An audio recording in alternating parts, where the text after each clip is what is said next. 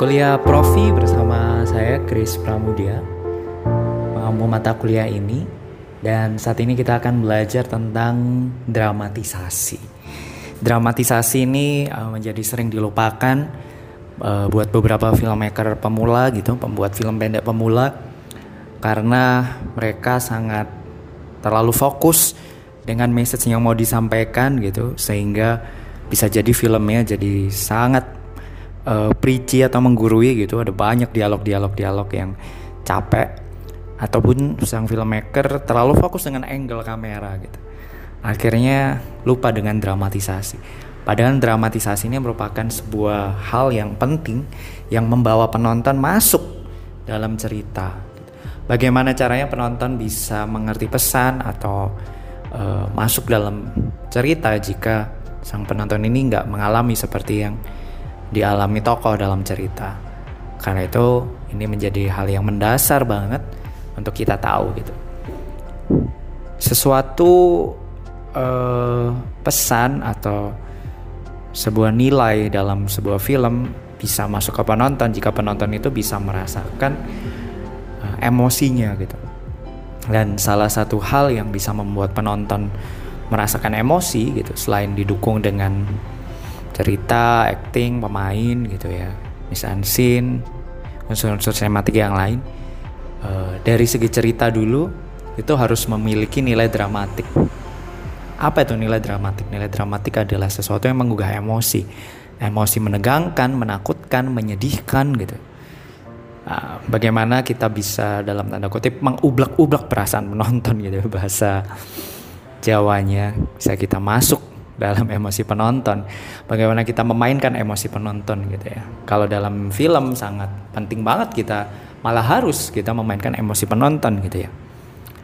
Dramatisasi yang dilakukan penulis skenario bukan cuma dari logika atau dari sesuatu yang oh iya benar logis, tetapi juga uh, dari segi emosi. Inilah yang membuat sebuah cerita memiliki dampak dramatik bagi penonton gitu saat saat cerita dipaparkan kepada penonton uh, ada nilai dramatis di dalamnya gitu ya.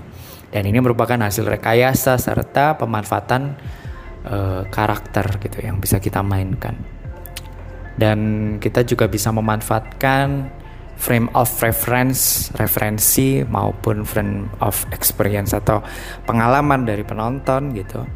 Kita bisa coba tarik dan kita bisa mainkan itu masuk dalam emosinya. Oke, kita akan langsung masuk dalam materi ya. Kalau tadi saya bilang bahwa penonton punya referensi, punya pengalaman gitu saat nonton film. Nah, pengalaman ini kita mainkan sebagai uh, modal utama kita gitu. Setiap orang pasti punya pengalaman sedih misalnya. Setiap orang pasti punya pengalaman gembira. Orang sedih karena apa? Karena sesuatu yang membuat dia sakit gitu. Sesuatu yang uh, tidak sesuai ekspektasi. Ketika orang punya ekspektasi berhasil misalnya tetapi kemudian dia gagal gitu. Kan tidak sesuai ekspektasi. Sehingga dia merasakan emosi yang sedih. Emosi ini adalah sebuah anugerah yang diberikan oleh sang pencipta ya diberikan Tuhan untuk kita. Untuk kita bisa hidup gitu ya bayangin kalau seorang itu nggak punya emosi flat aja itu udah kayak zombie kan? Zombie gitu. Berarti yang nonton live mungkin yang baru nonton live. Jalan aja marah cari makan. Nggak ada emosi gitu. Nggak hidup manusia. Nah dalam sebuah cerita emosi ini kita manfaatkan. Ketika seorang punya pengalaman menangis misalnya oh iya kita coba mendalami sebagai filmmaker. Kalau saya menangis itu karena apa ya? Karena sedih, oke. Okay. Kalau saya sedih karena apa misalnya? Kehilangan, oke. Okay. Kita bisa membuat mind mapsnya gitu. Dari perasaan-perasaan itu. Dan perasaan-perasaan ini kita coba manfaatkan, kita coba breakdown gitu. Saat kita menyusun cerita kita gitu dengan karakter kita. Nah, setiap penonton saat nonton sebuah film gitu dia pasti akan membawa pengalamannya. Karena itu dia melihat oke okay, ada tokoh lagi sedih kehilangan temannya misalnya. Ketika seorang penonton yang pernah mengalami itu dia akan sangat relate masuk ah ya bener sedih banget sedih banget sedih banget gitu. Masuk masuk. Message yang mau kita sampaikan bleng bleng bleng bleng bleng bleng. Masuk. Kenapa?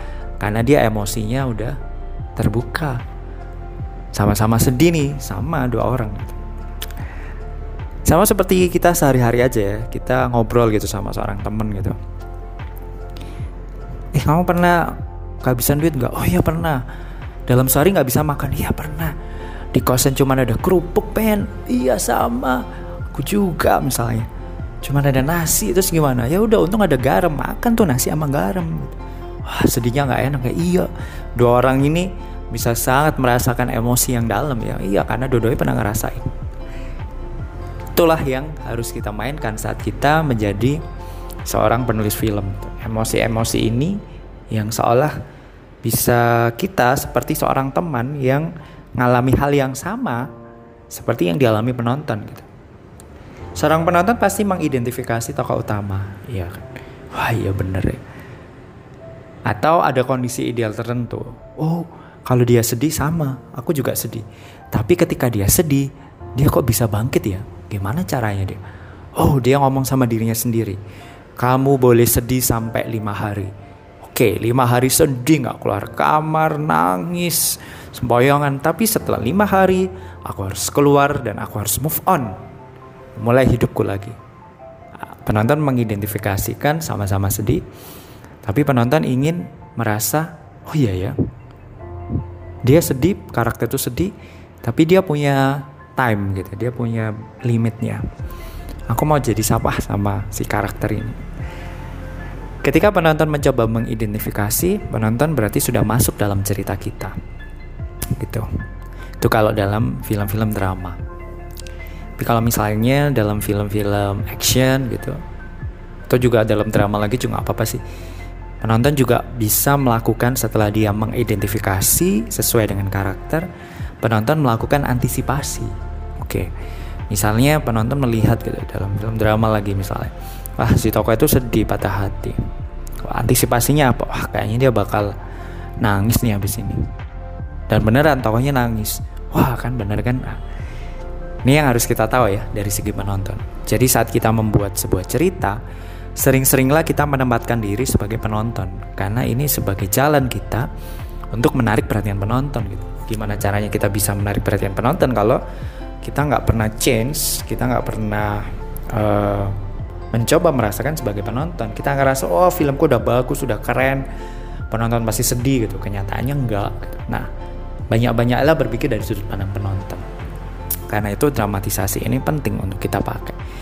Saat penonton sudah melakukan identifikasi, penonton sudah antisipasi, wah kayaknya bakal gini, bakal gini. Masuk, penonton akan merasakan beberapa emosi. Dia bisa sangat penasaran, curious banget, pengen tahu banget, kepo banget ya. Sehingga dia akan tertarik, oke setelah dia sedih ngapain ya? Dia bakal apa ya? Dia akan ngikutin jalan ceritanya. Nah, karena itu seperti sebelumnya saya bilang, seorang tokoh yang kita buat, yang kita tulis ini harus punya problema yang sangat menarik. Menarik ukurannya apa? Punya resiko yang sangat tinggi. Punya resiko tinggi itu apa? Jika nggak terselesaikan, karakter ini akan terancam misalnya atau ada kondisi tertentu yang membuat dia sangat tersudut. Itu yang membuat film kita punya emosi dan gak flat gitu. Setelah uh, sang tokoh punya problema yang kuat, pasti penonton mencoba mengkalkulasi. Wah, kira-kira uh, problema itu akan kayak gini nih. Nah, sama kan saat kita menjadi penonton kita akan nebak-nebak. Setelah kita identifikasi, kita antisipasi, kita curiosity, dan kita mengkalkulasi sebagai penonton. Kita menduga-duga ini adalah cara penonton punya pengalaman menonton dan uh, memahami cara film bertutur gitu ya. Sebagai sekali lagi sebagai seorang filmmaker kita harus memahami bagaimana sebagai seorang penonton itu mencoba memahami cara tutur film gitu, supaya kita bisa masuk. Nah, setelah penonton melakukan kalkulasi, ingat penonton pasti mengingat setiap informasi yang penting dalam cerita. Misalnya sang tokoh uh, tersesat atau sang tokoh tiba-tiba down gitu ya ketika dia sukses down jatuh. Pasti plot itu akan diingat sama penonton. Nah, kalau misalnya penonton sudah ingat informasinya ini gitu. Penonton akan masuk dalam cerita dan kita nggak boleh meremehkan itu. Setiap informasi yang sudah kita buat dalam plot cerita kita, nah, kita harus bisa mempertanggungjawabkannya kepada penonton. Kalau misalnya di awal kita udah ngomong bahwa tokoh ini miskin, tiba-tiba kaya karena kesuksesan, nah kita harus konsisten gitu. Jangan ntar tiba-tiba dia menjadi apa gitu karakternya berbeda gitu. Sehingga ha unsur logikanya nggak jalan gitu. Nah ini menjadi penting harus kita perhatikan ya. Dan kita juga harus ingat bahwa penonton itu sebenarnya nurut aja nih sama cerita yang mau kita buat gitu saat, saat dia nonton ya. Dia nggak mungkin bisa protes tiba-tiba woi filmmaker gimana sih? Ya mungkin dia bisa ya protes di Twitter atau di media sosial gitu tapi saat dia nonton gitu pasti dia akan mencoba percaya dulu apa yang mau kita sampaikan dalam cerita nah kalau kita nggak boleh mengkhianati penonton dari segi uh, logika nah, dari segi emosinya kita juga harus uh, konsisten juga dengan karakter dan cerita yang kita buat gitu mata lebih menampung informasi daripada telinga. Beberapa orang memang cenderung uh, fokus dengan visual gitu ya. Walaupun sebenarnya sekali lagi audio juga sangat penting untuk mendukung. Gitu. Tetapi paling tidak uh, dari segi visual ini juga harus kita perhatikan karena dari visual ini mengandung nilai dramatisasi. Ya tentu saja sekali lagi kalau dari saya audio juga penting untuk mendukung karena apalah arti visual kalau audionya jelek, audionya nggak bisa didengarin gitu malah lebih mengganggu gitu ya. Nah kita akan belajar beberapa uh, keadaan dramatik yang terjadi karena adanya action gitu. Dramatisasi itu bisa timbul, bisa kita buat dari apa? Tiga hal teman-teman. Yang pertama adalah gerak visual, yang kedua adalah gerak dalam pikiran, dan yang ketiga adalah gerak dalam perasaan. Nah, Pergerakan ini yang membuat nilai dramatisasi menjadi tinggi dalam cerita kita. Gerak visual jelas. Tokohnya galau gitu. Wah, pergerakannya mata menatap sebuah objek tertentu dengan kosong gitu ya. Kemudian kalau dia makan misalnya ya dia pelan sekali ngambil sendok. Nah, itu kita sudah mulai mendramatisasi gerak visualnya. Gerak dalam pikiran seperti apa gitu Apakah kita bisa membaca pikiran karakter? Bisa. Sebagai seorang filmmaker kita bisa mewujudkan gerak dalam pikiran itu melalui pergerakan kamera. Misalnya dalam sebuah adegan. Sang tokoh ini tertarik dengan karakter pendukung gitu. Dia ngerasa jatuh cinta gitu. Kita bisa memperlihatkan bagaimana wajah yang berbinar-binar, mata yang berbinar-binar itu kan bisa kelihatan nih. Mata itu kan nggak bisa bohong ya. Ketika dia suka sesuatu kan kelihatan gitu. Kita bisa ngelihat nge-shot mata. Gitu. Kita nggak usah ngomong atau kita nggak usah kasih first offer. Wah, suka banget nih sama cewek ini atau suka banget nih sama cowok ini. Keren gitu. Nggak perlu, tapi dengan uh, shot mata yang kelihatan berbinar-binar, kita bisa mendramatisasi cerita itu seolah-olah menggerakkan pikiran bahwa oh karakter ini jatuh cinta ya pikirannya melayang gitu fokus dengan orang yang dia senang atau misalnya sang tokoh diculik gitu ya. Diculik tangannya diikat tangan kaki diikat. Kemudian dia melihat ada uh, celah di tali tangannya itu. Uh, sementara mulut ditutup semua diikat uh, kita nggak bisa pakai suara ya. Dan kita bisa menggerakkan uh, kamera kita gitu, angle kita atau kamera movement kita. Seolah-olah penonton mengerti apa yang ada di pikiran si karakter. Dia ngelihat tali itu, dia ngelihat penculiknya, dia ngelihat tali, dia ngelihat penculik. Nah, penonton akan bisa langsung menyimpulkan bahwa oh, si orang ini punya peluang nih untuk bebas nih. Tanpa perlu dia ngomong atau pakai voice over ya. Dramatisasi dalam gerak pikiran termasuk juga perasaan yang tadi saya beri contoh itu perasaan jatuh cinta dan sebagainya.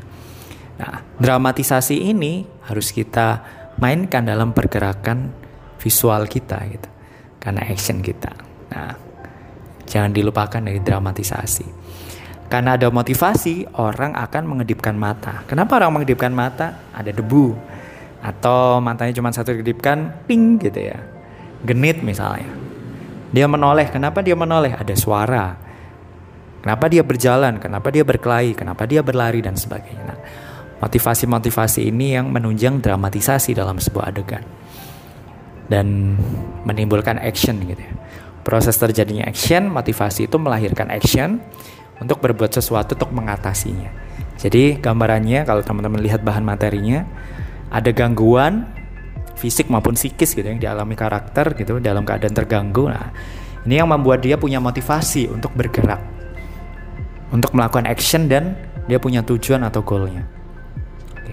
Dalam sebuah adegan, gitu, dalam sebuah adegan paling tidak memuat tentang bagaimana sang tokoh utama uh, mempunyai tujuan, kemudian dia mengatasi uh, atau mencoba meraih tujuan itu. Kemudian ada konflik, tetapi sekalipun ada konflik, uh, sorry, kemudian ada hambatan, sekalipun ada hambatan, dia berusaha untuk uh, menerjang hambatan itu.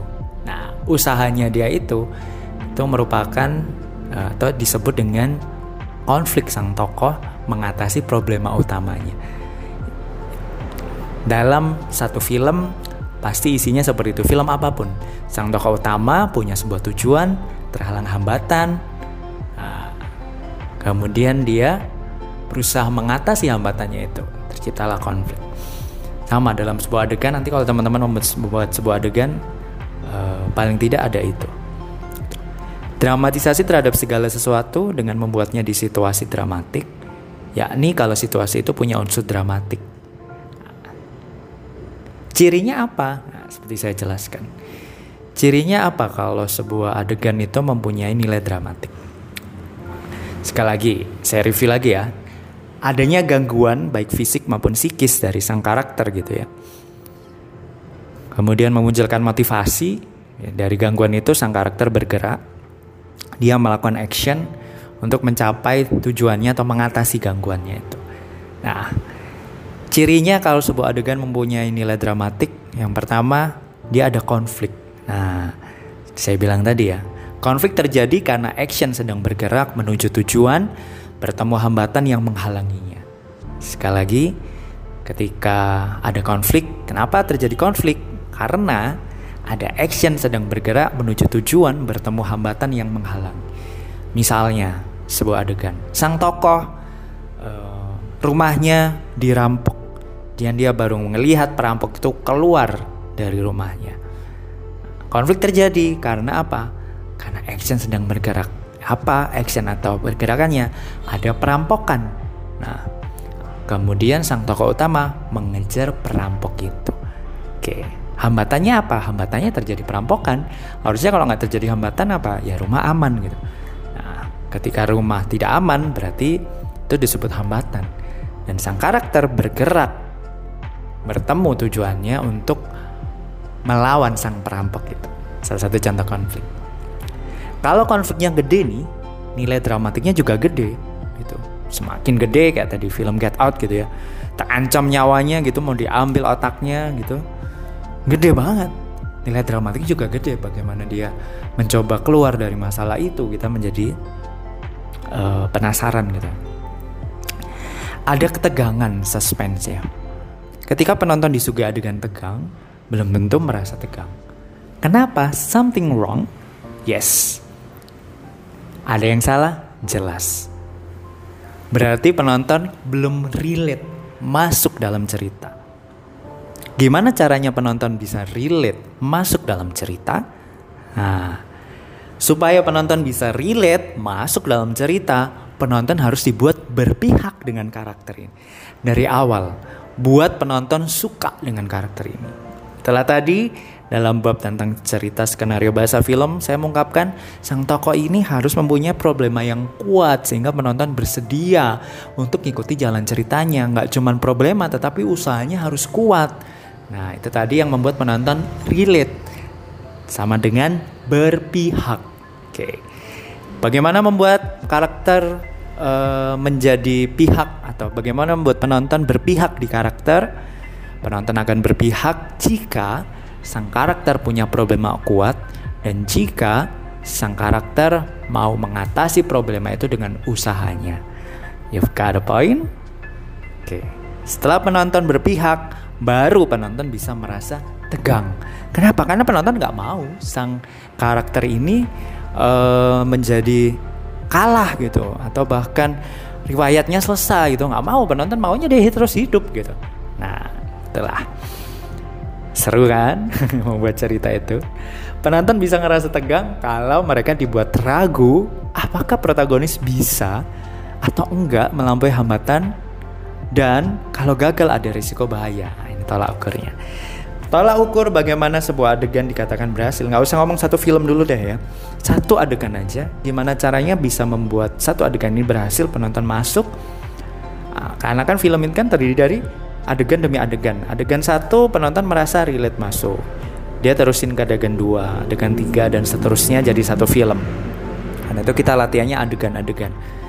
Nah kalau penonton udah berpihak gitu, penonton akan ngerasa deg-degan gitu. Wah nggak bisa nih kayaknya. Si tokoh ini nggak bisa keluar hambatannya terlalu susah. Wah dia bisa nggak ya? Tuh tapi ada satu sisi penonton di bawah bisa nih kayak aduh susah nih itu berarti penonton dari relate masuk dalam cerita kita. Penonton bakal ragu gitu ya kalau kekuatan protagonis dan hambatannya imbang. Jadi kayaknya dia punya senjata punya pisau. Eh sang uh, lawannya gitu antagonisnya juga sama-sama punya pisau bahkan lebih gede gitu itu yang bikin nilai dramatik tinggi. Dalam dramatisasi suspense untuk membesar kecilkan nilai dramatiknya dengan cara membesar kecilkan resiko. Nah, jadi kita memainkan suspense, memainkan ketegangan dengan resiko. Kalau dia itu nggak bisa keluar, dia bukan cuma mati, nama baiknya akan buruk. Kalau nama baiknya buruk, dia dicoret dari sejarah misalnya. Kita pakai uh, film-film action gitu ya, dicoret dari sejarah, dia dianggap Eh, nggak uh, real nggak pernah terjadi. Tegang tuh itu nah itu kalau dalam action. Tapi ingat resiko nggak selalu bahaya fisik tapi juga yang dirasakan psikis. Dalam film-film drama kita bisa pakai emosional gitu. Kalau misalnya sang tokoh nggak berhasil dia bisa malu. Misalnya contohnya apa? Psikis ya perasaan malu perasaan menanggung tanggung jawab yang gede -hal seperti itu jadi nggak harus sesuatu yang psikis gitu Berikutnya adalah perasaan takut. Beda dengan suspense. Takut ini kalau menghadapi sesuatu yang membahayakan gitu. Yang membahayakan dan besar kecil dampak ketakutan yang dirasakan penonton itu bergantung pada besar kecilnya bahaya gitu. Bahaya. Ada sesuatu yang uh, sesuatu yang berbahaya buat dia dia sampai takut misalnya di depannya ada jurang takut kan bahaya kalau sering kali ya kalau kita mimpi gitu kan kita sering mimpi wah terjun dari atas ke bawah takut. Kemudian adalah perasaan ngeri. Kalau ngeri mirip dengan takut tapi sifatnya lebih khusus gitu ya.